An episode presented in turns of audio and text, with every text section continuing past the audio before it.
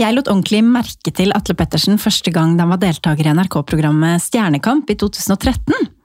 En veldig god sanger, tenkte jeg, med en sånn soleklar X-stjernefaktor over seg. Og siden har jo Atle Pettersen vært å se overalt. og Han skiller seg liksom litt ut fra mange andre norske kjendiser, tenker jeg da. For jeg tenker han er litt unorsk. Nesten litt sånn amerikansk. Og det gjør nok også at mange kanskje undervurderer han litt. Jeg vet ikke. Fordi denne karen er jo et helproft multitalent. Sanger, låtskriver, manager, programleder, businessmann, musikalartist, bare for å nevne noe. Og jeg er veldig nysgjerrig på hvor denne hardtarbeidende, talentfulle karen kommer fra. Hvilke hendelser i hans liv har preget ham mest? Hva driver han? Ja, hva skjedde egentlig i Atle Pettersen sitt liv som har ført han dit han er i dag?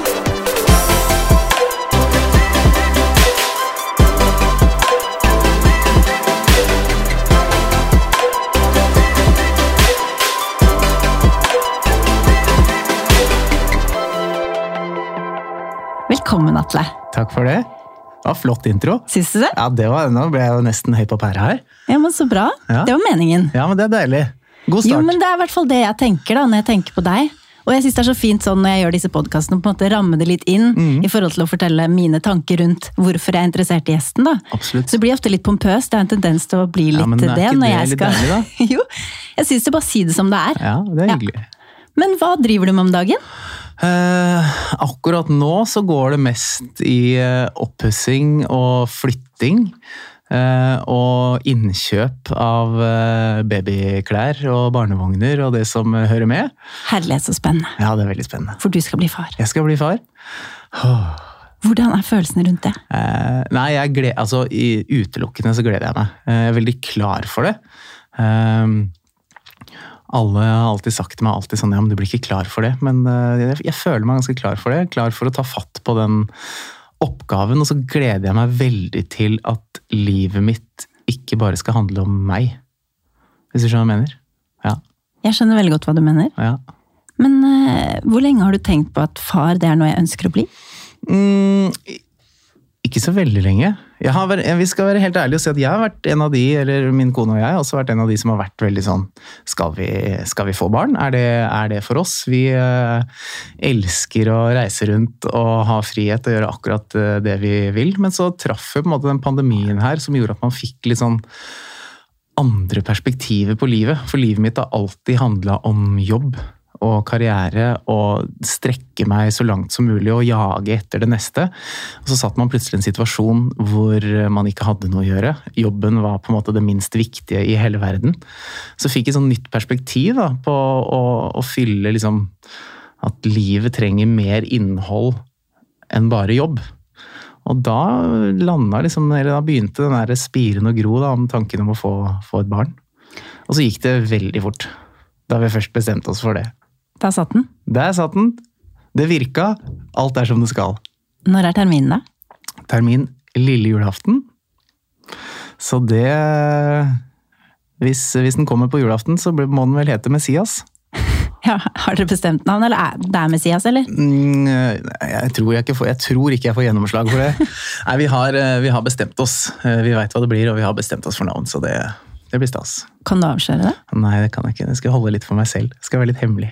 Har dere hatt sånne lister og sånn, eller? Ja da, vi har hatt lister, vi har vært gjennom veldig mye. Ehm, Vi har lyst til å, eh, eller vi har lyst til å finne et navn, eller for så vidt tror vi har funnet et navn som ikke alle andre har, men vi vil fortsatt ikke at det skal være sånn pollen, hvis du skjønner hva jeg mener. At, at folk skal tenke sånn, å ja, så de er sånne rare kjendisfolk som velger sånn superrare navn.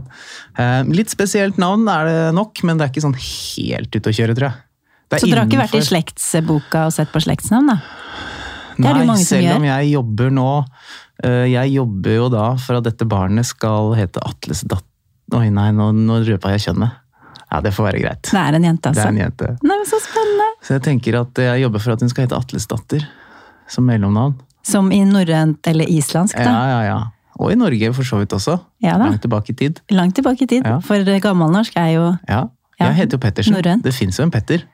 Vet ikke hvem det er. Nei. Så vi får se. Kanskje hvis du hadde gjort slektsforskning, så hadde du funnet ut at du var en Pettersen. Ja, altså, For faren din heter ikke Petter. Nei, han gjør ikke det.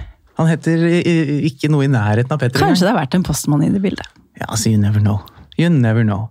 Nei, så livet, livet handler veldig mye om eh, flytting om dagen. Eh, og så er det jo deilig å kjenne at, eh, at jobben er litt sånn på vei tilbake, da.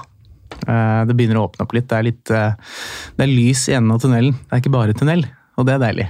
For når du sier åpne opp litt, så mener du jo selvfølgelig etter pandemien. Og Ja. jeg leste jo at du tok det litt tungt, faktisk, da pandemien rammet. Fordi du jobber med det du gjør. Du er låtskriver, du er på veien, du driver med underholdning, og alt det ble jo bare Ja, kansellert. altså de første, de første par-tre månedene så tenkte jeg sånn mm, Det er jo litt digg, da. Jeg har snakka om eh, å ta en sånn rolig periode i ti år. Aldri, det har aldri blitt til det. Og så ble man liksom tvunget til å sette seg ned og ha litt fri. Så i starten så tenkte jeg sånn Ja, egentlig litt digg. Mm. men etter hvert som eh, det ble fem måneder og seks måneder og åtte måneder og et år, så begynte jeg å kjenne på en sånn slags jeg vet ikke om jeg skal kalle det identitetskrise. Det er liksom vanskelig å forklare, men når du er vant til å Jeg er vant til å være bortreist stort sett hver eneste helg. Har liksom ja, godt over 100 reisedøgn i året. Og vant til å stå på scenen og vant til å på en måte eh, få det adrenalinrushet, høre på en applaus, få anerkjennelse for at noe man har gjort er bra. Og så plutselig så sitter man bare hjemme i helgene og er litt sånn Hvem er jeg? Hva skal jeg drive med? Må jeg, finne, må jeg finne på noe annet å gjøre? Hvem er jeg da, hvis jeg skal finne en annen jobb? Uh, ja, så, så det var litt sånn i retrospekt så, så tok jeg det nok litt, nok litt tyngre enn jeg torde å innrømme det overfor meg selv da, når det sto på. Og sånn er det jo ofte. Man må liksom få det litt på avstand før man klarer å reflektere over ting. Du merket at det å bli fratatt din egen bærebjelke, på sett og vis, da, for det er jo gjerne det, eh, det du driver med Ja, ja. i karrieren din. Altså, jobben min er jo Jeg har jo aldri tenkt at jobben min er en jobb. Det er jo på en måte en livsstil. Men plutselig skjønte du kanskje da du satt hjemme hvor viktig det var? Ja, ja. ja. Eh, Og, og det har jo noe sånn i ettertid eh, Hvis det er én ting jeg har lært da, av denne pandemien, så er det å bli enda mer eh, takknemlig da, for at man får lov til å man faktisk får lov til å jobbe med det man jobber med. Det er kjempeklisjé å si, men uh, man får liksom perspektiv for det når jobben din plutselig blir forbudt. Det er forbudt å stå på scenen. Det er forbudt å samle folk og spille konserter. Um, så ja, jeg merker nå at jeg er veldig glad for uh, Det er sånn eh, første gangen jeg sto på scenen etter hadde vel gått åtte måneder eller noe sånt, så ble jeg helt sånn rørt og fikk klumpen i halsen og bare Å, det betyr så mye, da. Så ja.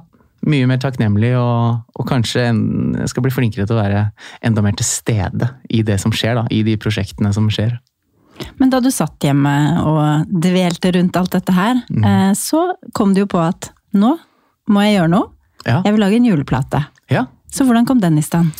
Um, nei, det også var jo litt sånn eh, Som sagt, de første ukene var det litt sånn digg at det ikke skjedde noe, og så ble jo tanken mer og mer over på sånn ok, nå må jeg faktisk bruke den tida her til å gjøre de prosjektene jeg har hatt lyst til å gjøre lenge, men aldri har hatt tid til. Fordi ja, i, eh, i, i sånn busy periode hvor det er en forestilling her og et TV-program der og et event der og eh, noe låtskriving der, så har man liksom Man har ikke de tre månedene til å bare låse seg inn i et studio og lage et album.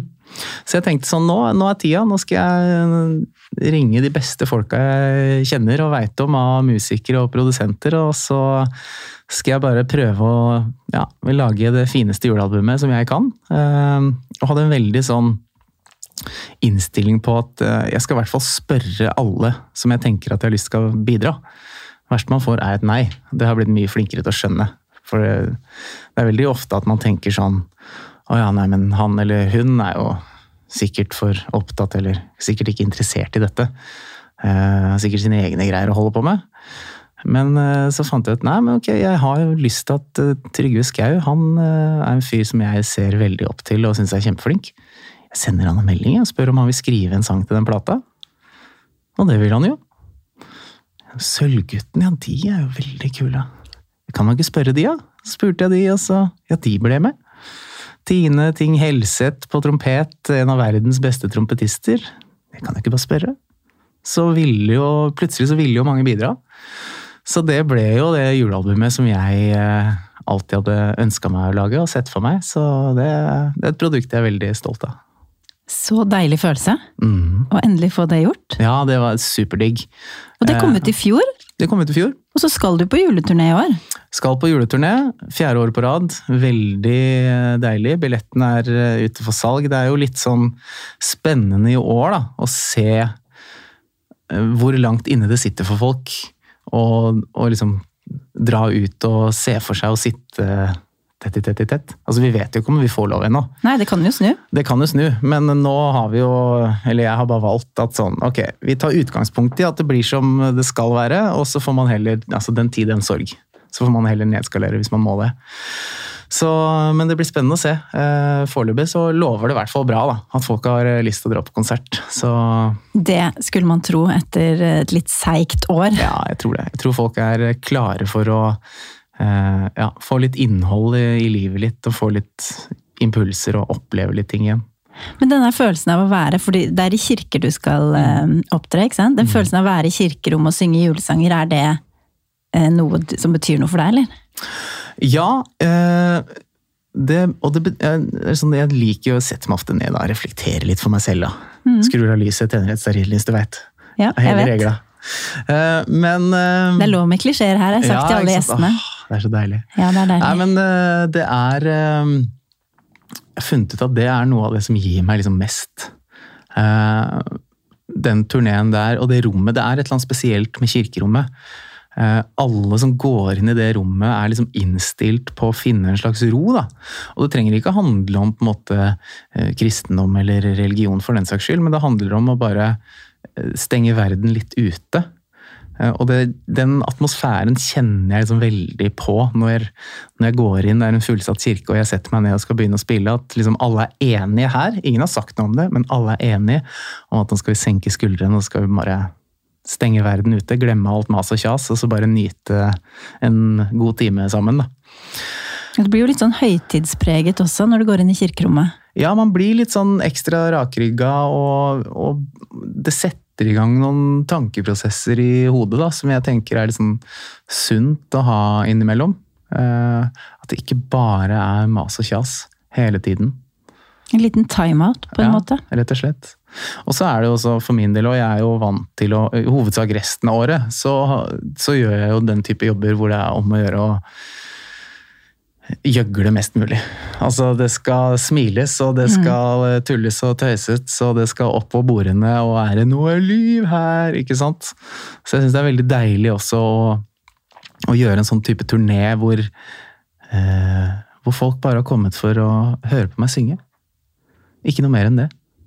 Så deilig. Ja, det er superdeilig å, vite at også liksom alle som sitter her nå, faktisk eh, De har kjøpt en billett og valgt å bruke pengene sine på å komme hit eh, og, og høre på meg. Og det, den følelsen der er eh, Den er veldig sterk, og den gjør jo også at jeg blir liksom ekstra motivert til å gjøre mitt aller beste. da. Lage en fin konsert og på en måte skape den atmosfæren som, som eh, folk forventer. da. Du, jeg nevnte jo innledningsvis at du har utrolig mange hatter, da. Ja. Mange um, ubeskyttede titler man kunne kalt deg. Så det er Ja. uendelig. Uh, Du driver med så mye forskjellig. Ja. Og så tenkte jeg at jeg har en spalte i podkasten som heter Wikipedia. Mhm. Og der uh, ramser man jo opp en del meritter. Uh. Selv om jeg allerede har ramset opp noen. Så tenkte jeg at jeg skulle gå gjennom den. Er du klar? Ja, jeg er spent. En liten runde. Mm. Atle Pettersen, født 1989, er en norsk vokalist, låtskriver, programleder og skuespiller fra Skien. Mm. Pettersen er tidligere kjent som vokalist i bandet Above Symmetry, som Mm. spiller melodiøs, progressiv metal. Han har også vært vokalist i det norske rockebandet The Sheen. Mhm. I 2014 vant The Sheen Emergency Festival. Verdens største musikkonkurranse for usignerte band med hele 34 000 deltakere fra 150 land. Mm. Det er ikke verst. Det er ikke verst. Pet, jeg har fjernet den også her, for denne her Wikipedia-siden var veldig lang. bare så du vet det. Ja, ja. Pettersen er også kjent for å ha kommet på andreplass i X-Faktor, og som vinner av Skal vi danse i 2011. Atle Pettersen vokste opp på Borgestad i Skien kommune, og startet sin sangkarriere i barnekoret Gladvoks, tilhørende Gullset kirke. Det er riktig. Pettersen deltok i Melodi Grand Prix Junior i 2003 med sangen 'Hekta på brett', som han hadde skrevet selv. Sangen ble fremført sammen med Stine Cecilie Hillestad. Og i 2006 deltok Pettersen også i Kjempesjansen på NRK. Ja, ja. Atle Pettersen vant sammen med bandet Above Symmetry Ungdommens kulturmønstring i Telemark i 2006. Atle Pettersen var også programleder for Sluserock 2008 sammen med Charlotte Torstvedt. Høsten 2013 deltok Pettersen i NRK-programmet Stjernekamp, der han endte på tredjeplass. I november 2013 var han med i forestillingen The Beatles It Was 50 Years Ago Today. Og i 2015 var Pettersen programleder for NRKs Sommeråpent én uke sammen med selveste Nadia Hasnawi. Høsten 2016 debuterte han og Stian Blipp som musikalstjerner i en oppsetning av musikalen Singin' in the Rain på Folketeatret i Oslo. Og siden 2016 har han vært programleder for Beat for beat på NRK1. Det var det jeg tok med. ja. Det er mye. Ja, Og du har gjort mye mer enn dette òg. Ja. Men hva var det du så for deg da du var liten at du ville bli? Eh, ja, det var to alternativer. Ja, Eh, Det var fotballproff eller rockestjerne. Jøss, du gikk for rockestjerne. Ja, så gikk jeg for det. Ehm, og så ble det jo mye mer enn det også. Så mye mer. Ja. Eh, men jeg har alltid vært en fyr som Jeg er veldig uredd. Jeg er veldig uredd for å prøve nye ting. eh, Og jeg er veldig uredd for hvor eventuelle valg vil ta meg. Eh, Så da liksom Jeg føler at det på en måte karrieren begynte med X-Faktor, og det var et slags gjennombrudd i 2010. Um, og da var jeg ikke sånn Ja, jeg syntes det var gøy å, å gjøre min egen musikk, og på en måte var jo på en måte det jeg ville gjøre. Men jeg tenkte sånn Skal vi danse? Jeg vet ikke, jeg kan ikke danse. Litt sånn Pippi Det kan Langstrømpe du jo da. det, det er litt sånn Pippi Langstrømpe-approach til det. Det høres jo gøy ut, det får jeg sikkert til. Eh, og så tenkte jeg ikke noe over at det liksom Å nei, ja, men jeg skal være rockemusiker, så da kan jeg ikke være med på det, liksom. Jeg tenkte sånn, ja, men det høres gøy ut. Jeg prøver ut det. Men for du startet i litt mer sånn progressiv rock, progressivt rockeband Ja, på det er liksom sånn metal-band. Det Ja, er ganske egentlig. hardt, egentlig. Så, Og så har du beveget deg mer over i, i pop, litt mer sånn strømlinjeforma, hvis ja, jeg kan ja. si det sånn. Ja, absolutt. Eh, hvorfor gjorde du det? Bare ble det sånn? Ja, og også fordi at jeg elska boyband da jeg var liten. Ja.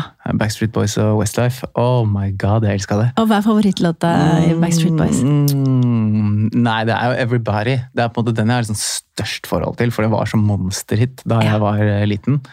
Eh, men eh, nei, så jeg har alltid vært veldig veldig glad i pop. eh, og i den rockemusikken jeg har holdt på med, så har det vært veldig mye, mye pop-inspirasjon i den. da, Men det var pakka inn litt sånn annerledes.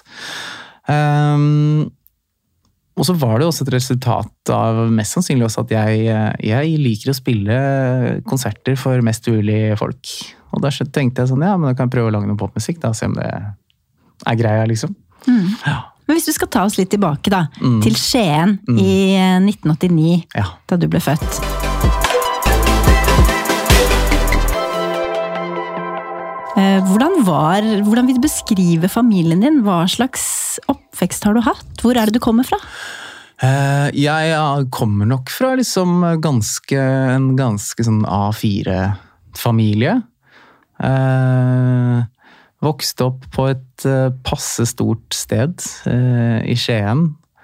Eh, I liksom enda en blindgate med masse kids. Så det var alltid veldig sånn trygt eh, rundt der vi har bodd. Da. Det har alltid vært veldig sånn trygt og var alltid ute og lekte med kidsa i gata. Og ja, alltid hatt liksom gode, nære venner. Eh, og i et miljø hvor alle har fått lov til å være den de er.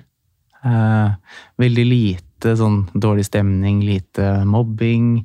Eh, veldig sånn, ja, trygt og godt. Eh, og ikke, ikke kommet fra noe sånn liksom, voldsomme kår. Eh, helt vanlig. Eh, var ikke så mye på eh, liksom, flotte ferier og sånne ting. Det var liksom på sommeren så var vi ute og spilte fotball, og så dro vi på stranda i, i Langesund, liksom. Eller i, i Porsgrunn. Så Og så var det jo også et miljø hvor eh, det var nok flere i gata som var sånn like typer som meg. På hvilken sånn- måte da? Nei, som liker å prøve nye ting, og som kjenner fort på mestring ved ting, da. Enten det var å spille fotball, eller lære seg et instrument, eller eh, gå på ski, eller stå på skateboard, liksom.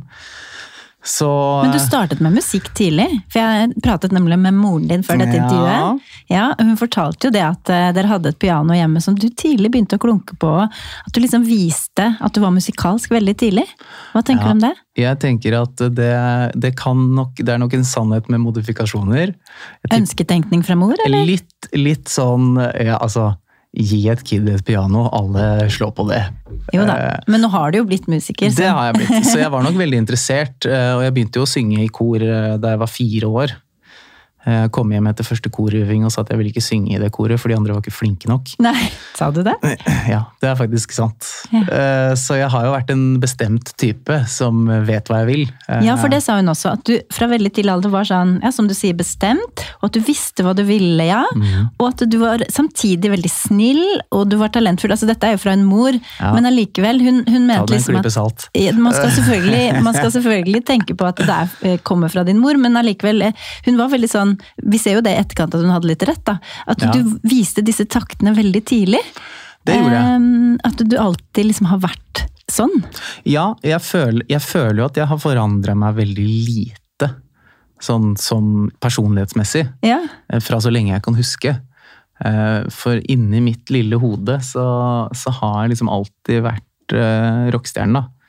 Det har alltid på en måte prøvd, eller ikke prøvd, jeg vet ikke, men vært liksom center of attention. Har Funnet en eller annen måte hvor jeg kan stikke meg ut, lage noe underholdning, gjøgle litt, finne på noe litt ekstra.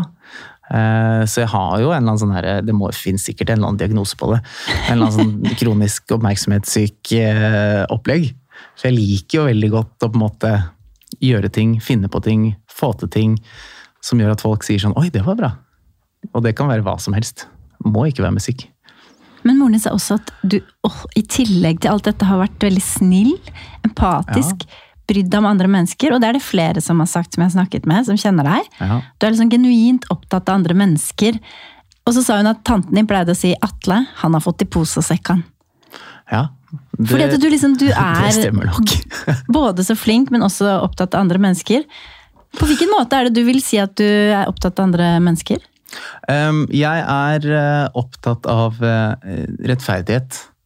Eh, jeg synes det er liksom noe av det husker jeg veldig godt sånn fra barndommen og egentlig gjennom hele livet. at det er sånn, Når jeg opplever at folk på en måte blir behandla urettferdig, da, så får jeg et sånt eh, akutt behov for å liksom stille opp og si fra, eh, enten på vegne av eller ja, for meg selv eller for andre, at sånn, dette, sånn kan vi ikke ha det, liksom.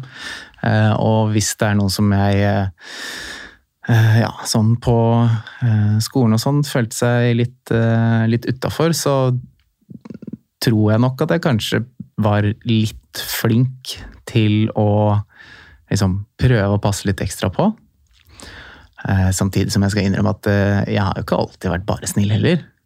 Eh, fordi i en, i en skolegård så For det første så er man kids, og så skjønner man kanskje ikke så mye. Og så skjønner man ikke alt man burde skjønne, og så henger man kanskje med noen folk, og så er det noen som er litt utafor, og så blir det en sånn derre Du veit hvordan det fungerer. Så jeg har nok ikke alltid vært bare snill, det skal jeg innrømme. Men eh, sånn overall så tror jeg ikke har vært så verst.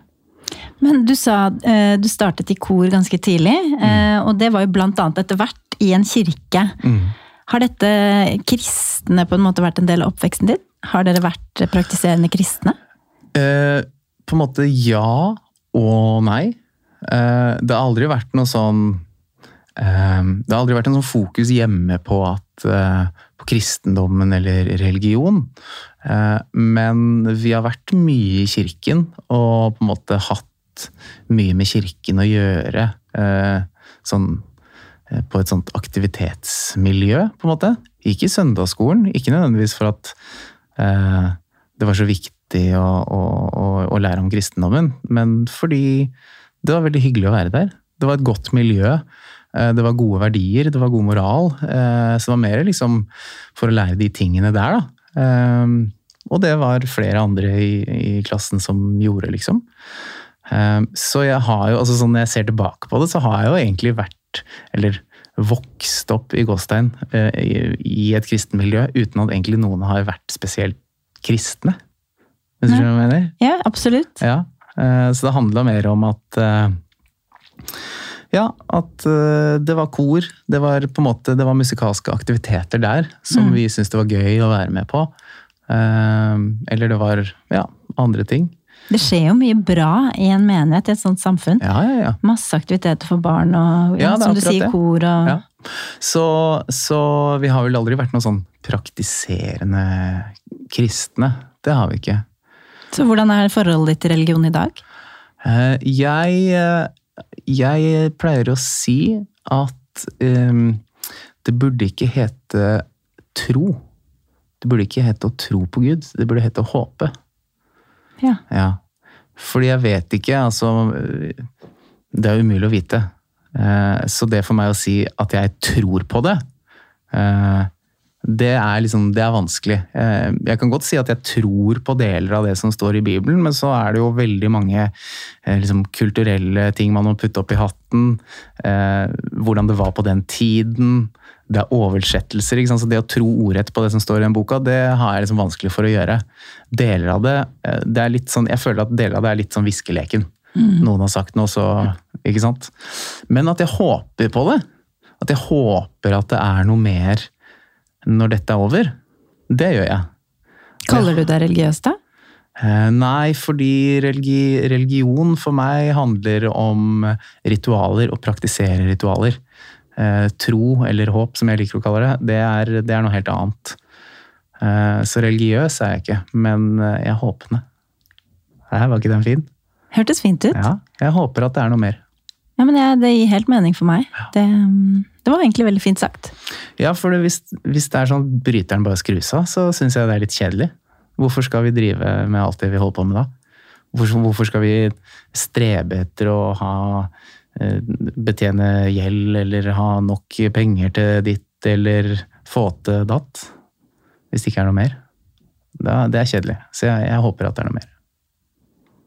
Men du, jeg har litt lyst til å snakke med deg om Bit Beat for beat. Ja, Fordi det har jo gått i 24 sesonger, er det vel? Og du tok over for ni sesonger siden. Mm. Så vidt jeg eh, hvis jeg har regnet riktig. det er sikkert enda flere sesonger òg. Og det har gått i 22 år i år. Tenk det. Ja, så det er nok nærmere 40 sesonger. 40 sesonger, ja. Ja. Det er helt utrolig. Og du tok over etter Ivar Dyrhaug i 2016. Ja. Legenden Ivar Dyrhaug. Legenden. Hvordan var det å skulle ta over etter han? Det var eh, eh, Det var veldig stort.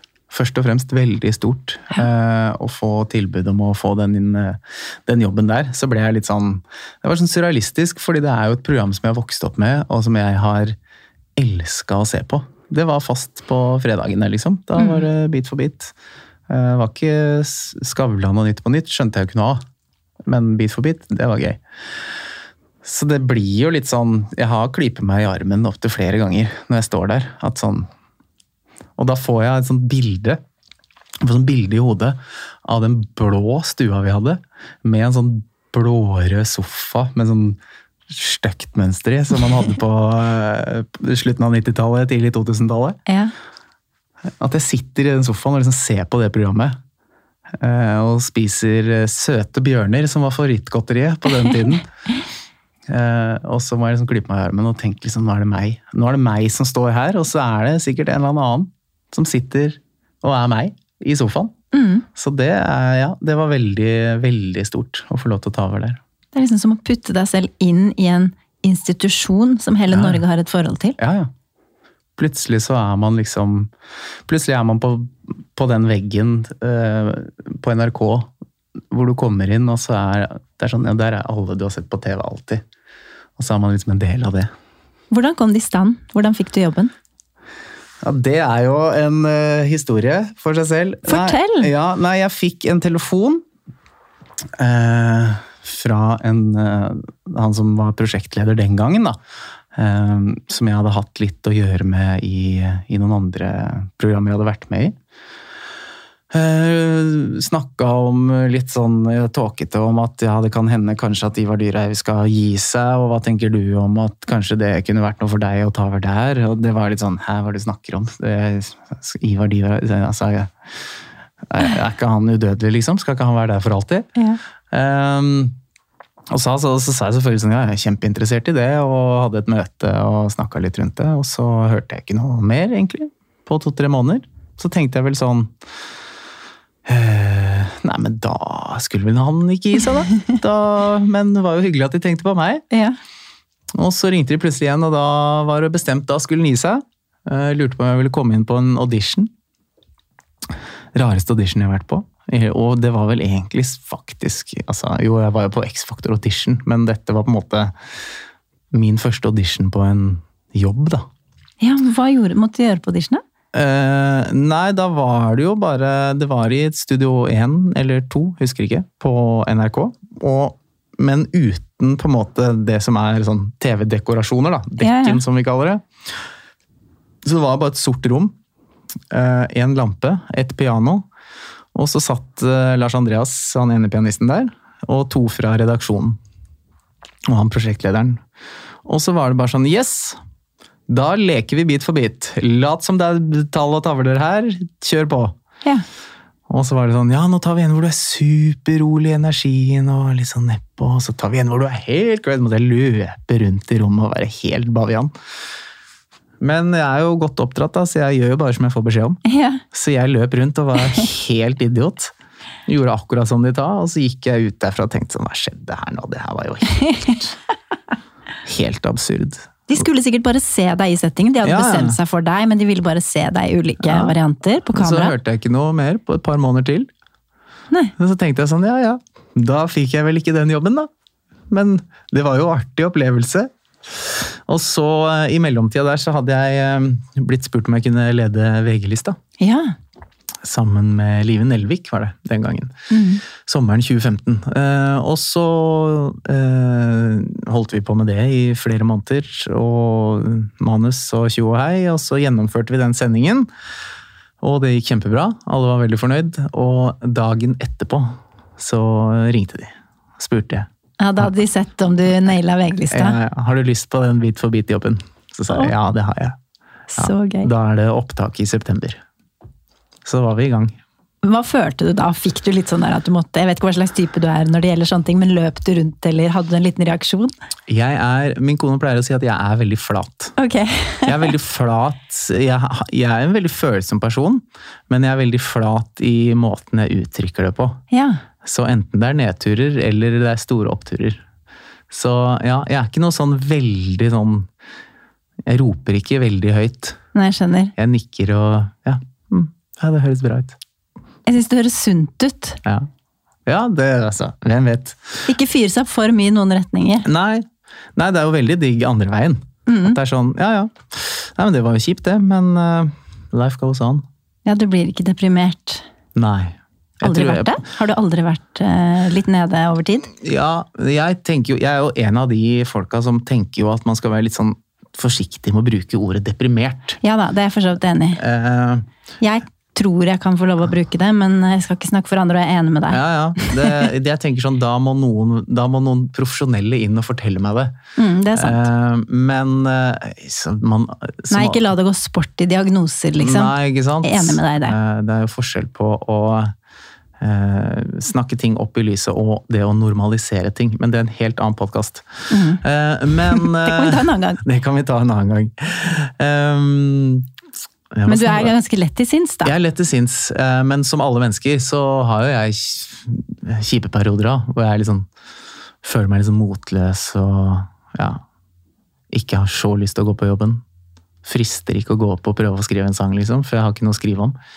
Um, Hva er det som driver deg, egentlig? Hva er det som får deg til å sprette opp og gjøre alle de tingene du gjør? Ja, det er et, et godt spørsmål. Ja, Det er lov å tenke litt. Nei, jeg tror nok det Det er eh, Jeg føler at jeg er en person som er eh, fylt av veldig mye sånn livsglede og lyst til å få til ting. Så jeg tror nok kanskje det er det som driver meg. At eh, Eller så kan det hende at det bare er et sånn ekstremt oppmerksomhetsbehov. At jeg har et sånt inni meg en sånn, en sånn ild som brenner for at jeg må finne på noe som gjør at folk sier sånn Heia! Heia! Mm. Hvis du skjønner hva jeg mener? Du har blitt vant til det gjennom livet, da. Ja, det blir jo en sånn Det blir jo en drug, da. Mm. Eh, å få den anerkjennelsen. Så det var jo også litt sånn ref det vi snakka om i stad, med, med korona og alt det. At den plutselig ble borte. Så ble det litt sånn abstinenser. Men eh, nei, ja, det er nok det som driver meg. Det, den, den lysten til å liksom Ja, se hva jeg kan få til. Ja. Men eh, jeg er ikke helt ferdig med Bit for bit, kjenner jeg. For jeg er Nei. litt nysgjerrig på Altså, jeg har vært med der selv, og det er veldig proft. Mm. Det er liksom så sømløst, i hvert fall sånn jeg opplevde det. Mm. Men hender det at ting går helt skeis på opptakene Ja, der? ja. Gjør det det? Ja, ja, ja. Hva er det, som har, hva er det verste som har skjedd? Eh, det er jo vanskelig å snakke om dette uten å røpe for mye av hvordan det fungerer. Ja. Men eh, Nei, det har vel liksom Det har vel aldri skjedd liksom sånn grove ting. Men det som er tungt, er jo Det kan jo være deltakere som på en måte får helt Altså rullegardina går ned. ja, blackout. Eh, og på en måte ikke, ikke kommer på noen sanger og ikke husker noen ting. Og på en måte ikke får til noe, for det programmet, det programmet handler jo om å få gjestene til å skinne. Mm. Og da kan det jo Da handler jo jobben veldig mye om eh, å få de til å føle seg trygge, da. Og så må man ta ting om igjen og om igjen og om igjen til det kjedsommelige. Eh, så det er jo på en måte strengt talt det verste som kan skje. Eh, og det er jo egentlig ikke så ille, så Det er litt skummelt å være med der, det kan jeg bekrefte. Så Ja. at jeg skjønner at Ja, eh, det noen skjønner får uh, rullegardinen ned, altså. jeg skjønner det uh, veldig Og i godt. hvert fall kanskje de som Nå vet ikke jeg hvem det er som har fått rullegardinen ned, men i hvert fall sikkert de som kanskje ikke gjør det til daglig, da. Ja, ja. da klart. er det litt sånn wow. Ja, ja. Oi, nå skal jeg synge fint. Ja. Alle skal tenke at jeg skal synge fint. Altså, jeg skjønner det, så det, mye, av, mye av jobben handler jo om å ufarliggjøre det litt. Da, og føle at de deltakerne skal føle seg trygge, og at det er eh, varmt og godt å være der. og Går går det skikkelig skeis, så, så kan vi ta det på nytt. Og det gjør ingenting. Så ja. Hvor mange flere år tror du du kommer til å lede det? Eh, Så lenge NRK har lyst til å sende det, og så lenge de vil ha meg der, så skal jeg være der. Ah, det tror jeg du kommer til å gjøre, og du gjør en nydelig jobb. Det er hyggelig å høre. Tusen takk. Virkelig. Denne våren var du med i Melodi Grand Prix for første gang. Ja. Tidligere har du vært med i Melodi Grand Prix Junior, Mm. men nå var det Grand Prix for første gang. Ja. Voksen Grand Prix. Voksen Grand Prix. Hvordan var det? Det um, Vil du ha det politisk korrekte svaret, eller vil du ha det ærlige svaret? Jeg vil ha det ærlige svaret. Nei, altså det Eller du eh, kan ta begge deler. Jeg kan ta begge deler. Start med det det politisk korrekte, da. Ja, det er, det er jo på en måte Begge deler er jo sant. Men eh, jeg syns jo at det var eh, utrolig stort. Det er jo den største eh, musikkonkurransen i Norge. Det er den største eh, arenaen å på en måte få lage et musikk En sceneopptreden. Men er Eh, dette det politisk korrekte Nei, svaret? dette er, eh, dette er ja, politisk korrekte, men også en sannhet. Ok, Så dette er en hybrid av disse to Ja, tingene? det, er jo, det er jo egentlig en hybrid, da. Ok, Svaret nå skal du få lov å svare ferdig. Ja. Så, så jeg synes jo at det, det, det å få lov til å være med der eh, var utrolig stort, og, og det var veldig gøy. Og ikke minst det å eh, Det er den eneste arenaen hvor det er liksom ressurser til å sette seg ned, ha møter, planlegge hvordan skal dette se ut, hvordan skal det låte, hvordan skal låta bli. Det er på en måte Det er veldig deilig å, å få lov til bare At det bare skal handle om sangen. Bare om sceneshow bare musikken. Ikke masse annet tull og tøys. Eh, Så, så jeg synes jo at det var en fantastisk opplevelse, hele den prosessen der. Eh, Og så synes jeg at det var litt kjipt at det ikke var publikum. Ja, det skjønner jeg. Ja. Så for meg så tok det liksom litt brodden av det. Fordi det er Altså, Trondheim Spektrum med 8000 i salen er noe helt annet enn uh, en, eh, H3 Arena på Fornebu uten publikum. Det var en kjempe... Er det vanskelig å hente fram den der gnisten eller energien, om du vil?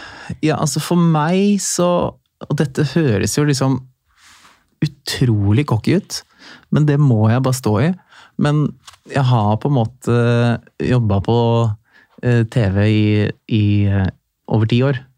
Så et TV-studio er liksom ikke så wow lenger, hvis du skjønner. Ja. Eh, Så for meg så, så gjorde det at det ble litt sånn Litt sånn nok en dag på jobben. Eh, Jeg savna liksom den siste, det siste rushet, da. Som jeg er avhengig av, eh, og som jeg elsker. Det å liksom stå bak scenen, høre liksom publikum bruse, og så smeller det. Så det, det var liksom Ja. Men det positive er at nå veit jeg at dette skal jeg gjøre igjen. Jeg har kjempelyst til å være med igjen. Ja, så gøy. Eh, så- Har du begynt å skrive på ny låt, eller? Ja, jeg har opptil flere alternativer. Ja. Spennende. Så jeg skal tilbake. Eh, og, og oppleve den ekte Grand Prix-opplevelsen Med publikum, med publikum. Så, for det er en stor opplevelse, og det er veldig gøy. Hele prosessen og alt, og du blir kjempegodt ivaretatt, og alle er liksom Det eneste folk er opptatt av i produksjonen, er at du skal fremstå best mulig. Eh, og alle legger til rette for det, så det er jo en fantastisk produksjon. Og NRK er veldig gode på disse musikkproduksjonene, da. Bit for bit. Mm. Melodi Grand Prix. Da glir det ganske sømløst, er du ikke enig? De, de veit hva de holder på med der. Det gjør de. Mm. Men jeg lurer på litt i forhold til Melodi Grand Prix, og den bransjen som både du og jeg er en del av, så er det ofte litt sånn et skråblikk da, mm. innad i bransjen. Og Ja. det der at det, det kan være litt klamt og litt sånn flaut med Grand Prix, selv om det jo er eh, Norges største musikkonkurranse, og bør få den anerkjennelsen det fortjener. Men klarer du å liksom la være å kjenne på det der litt ironiske distansen til det når du selv deltar? Eh, ja, absolutt. Eh, men jeg tilhører jo på en måte ikke den delen av bransjen som synes at det kan være klamt. Eh, fordi jeg synes Altså er det én ting jeg synes at bransjen, underholdnings- eller musikkbransjen kanskje spesielt, da, i Norge mangler, så er det sånn det er helt i orden at man har forskjellige preferanser eller liker forskjellig type musikk, eller eh, liker forskjellige uttrykk. Eh, Men jeg tenker at vi skal bli flinkere til å respektere at enten du driver med liksom R&B og hiphop, eller om du driver med danseband, så legger man inn like mange timer. Og det er like viktig for begge to. Og, og på en måte, så man, jeg tenker at man skal bli flinkere til å faktisk ha respekt for arbeidsinnsatsen som legges ned. da. Om det er landeveiens helter på Melodi Grand Prix. De gutta jobber steinhardt, og det respekterer jeg, og det, det ser jeg opp til. Um, så jeg tenker at uh, ja takk til mangfold. Derfor elsker jeg Grand Prix, liksom. Altså, det, det er plass til alle, og det trenger ikke å være enten-eller, tenker jeg. For jeg opplever deg som veldig trygg. Eh, Ja. Disse menneskene vi snakker om nå, vet jo kanskje ikke folk flest hvem er. Altså, Nei, dette er jo litt sånn, en liten sånn uh, boble i uh, Oslo-gryta, som vi kaller for litt sånn bransjefolk, da, som ofte mener mye om det ene og det Mm. Ja, andre. ja. Men jeg opplever deg som en som bare liksom står, som du sa, litt på siden av dette og bare gjør din greie. Og det virker så fint og så deilig, og det er litt sånn inspirerende å se. Ja, det er jo altså, både og. Fordi selvfølgelig så ønsker man jo på en måte anerkjennelse fra alle. Eh, Og så skulle man kanskje ønske at liksom eh, ja, At man skulle fått litt mer sånn anerkjennelse for at liksom det man holder på med er sånn. Eh, Men til syvende og sist så, så får jeg lov til å gjøre det jeg vil gjøre hver dag. Eh, Og da spiller jo egentlig spiller ingen rolle hva folk måtte tenke og mene. Og så handler det for meg også litt sånn jo eldre man blir, jo mindre bryr man seg egentlig. Det er jo, det er jo så enkelt som det. Men har det noen gang vært vanskelig å være så dyktig og mangfoldig og kjekk og pen som det du er? Fordi du framstår jo som en sånn gavepakke, på en måte. Ja. Og har det noen gang vært vanskelig i løpet av livet? Fordi at folk liker jo ofte å pirke på de som er for perfekte. ja. Jeg eh, eh, Det jeg syns er det kjipeste, eller som jeg alltid syns er det kjipeste, er å høre eh, Det er, kjempekleint å sitte og si, faktisk. Her er ingenting kleint. Men, men eh, Jeg elsker kleine ting. Ja, det er, men det er For ikke det så er kleint. sannheten. Men det er, litt, det er litt sånn Det har vært lettere hvis det var noen andre som sa det om meg, enn at jeg skal si det selv. Men ok, det jeg prøver å uh, forklare bort nå, er at det er mange som sier til meg uh, at jeg er så pen. Og det er et kjempekompliment. Uh, men jeg driver jo ikke med det jeg driver med, fordi jeg er pen. Har det som en hemsko at du noen ganger? Det er liksom veldig hardt å melde, men litt Det er lov å si det. Ja, litt eh, Og jeg får, har liksom, får liksom ofte høre sånn Ja, men du må liksom rufse til uttrykket litt. Du må rufse det litt til. Sånn, Men jeg ser jo ut som jeg ser ut. Du har tatoveringer, da. Ja, og det er kanskje en grunn til at jeg har dekka hele kroppen med det. Jeg, Jeg skjønner. Kanskje det er en underbevisst greie. Jeg har egentlig aldri tenkt over før nå. Men, men ja, Det var liksom bare noe jeg observerte i Ja. det du fortalte, så kanskje det er Ja. nettopp det du har gjort med tattisene. ja, du, må liksom, du må rufse det litt til. Um, så det, det kan jeg jo Ja, det kan jeg ha kjent på noen ganger at um, At det Man glemmer kanskje litt eh, Litt arbeidsinnsatsen som ligger bak. Fordi at alt ser liksom så ryddig og riktig ut, da. Mm. Ja. Du, sånn avslutningsvis, nå har det jo nettopp vært eh, stortingsvalg. Ja. Eh, er du noe politisk engasjert? Følger du med på det? Uh, ja, jeg, jeg, jeg, jeg, elsker en god politisk diskusjon. Ja, gjør du det? Ja, jeg elsker det. Ja, Du Eh, kaster deg over bordet og ja, ja, fyrer deg opp? Ja, å, ja, ja. Det er jo, gøy. Ja, det er kjempegøy. Og jo mer jeg kan si, så liker jeg ofte selvfølgelig å melde ganske mye hardere enn jeg egentlig mener, bare for å provosere. Det syns jeg er stor underholdning. Vet du hva, der er vi like. Der kan jeg fyre av noe som, som gjør at bordet tror ja. at jeg mener noe helt annet enn Ja, det jeg gjør, bare fordi det er Jeg litt kan, artig jeg å kan, fyre jeg opp kan melde typ sånn Ja, men du veit, du, du skal ikke undervurdere et godt diktatur. Og så er det full fyr. Og da syns jeg, jeg det er gøy. Så bra. ja, Så men- du var og stemte, og Ja. Stemmeretten, den må brukes. kan du avsløre hva du stemmer, eller? Uh, jeg kan vel uh, Nei, jeg tror ikke jeg skal gjøre det. Nei. Ikke det, men det skal jeg også si, da. Jeg syns det er sånn rart at, uh, at man liksom ikke skal snakke om det. Ja. Hvis du hva jeg mener? Det er litt rart. Det er litt skummelt, vet du. Det er litt For man kan risikere å få noen uh, hatske meldinger hvis du stemmer feil parti. Ja, det, uh, det er helt riktig. Nei, jeg tenker at uh, som politikken Nå blir det politisk korrekt, altså. Ja, men det er fint, det. Men politikken i Norge er jo Alle er egentlig ganske enig. Ja, Det er mindre forskjell enn man skulle tro. Ja, de er så ganske enige. Skal vi ha, skal vi ha eh, 27% firmaskatt, eller skal vi ha 28 Altså Spiller noen rolle? Hvis du skjønner hva jeg mener? Um, Men du, bare sånn helt, helt, helt avslutningsvis. Går litt bort fra politikken, men igjen, jeg skulle til å spørre deg om Jeg kunne blitt politiker, men det tror jeg vel kanskje ikke. Men jeg må bare da legge til noe moren din sa, fordi hun har egentlig litt lyst til at du skal utdanne deg til spesialpedagog. ja, ja, hun har ikke gitt seg på det ennå, nei. Nei, fordi hun mener du er så god med mennesker, og at, du burde, eh, at det hadde vært glede til hennes hjerte da, hvis du tok den utdannelsen. Ja. Har du noen gang tenkt på det? Det, det hadde, det må legge til at det hadde mest gledet hennes hjerte, fordi at da har jeg en utdannelse. Ja, Det er ikke så nøye hva det er. Nei. Men eh, jeg eh, Ja. Jeg kommer nok aldri til å ta den utdannelsen.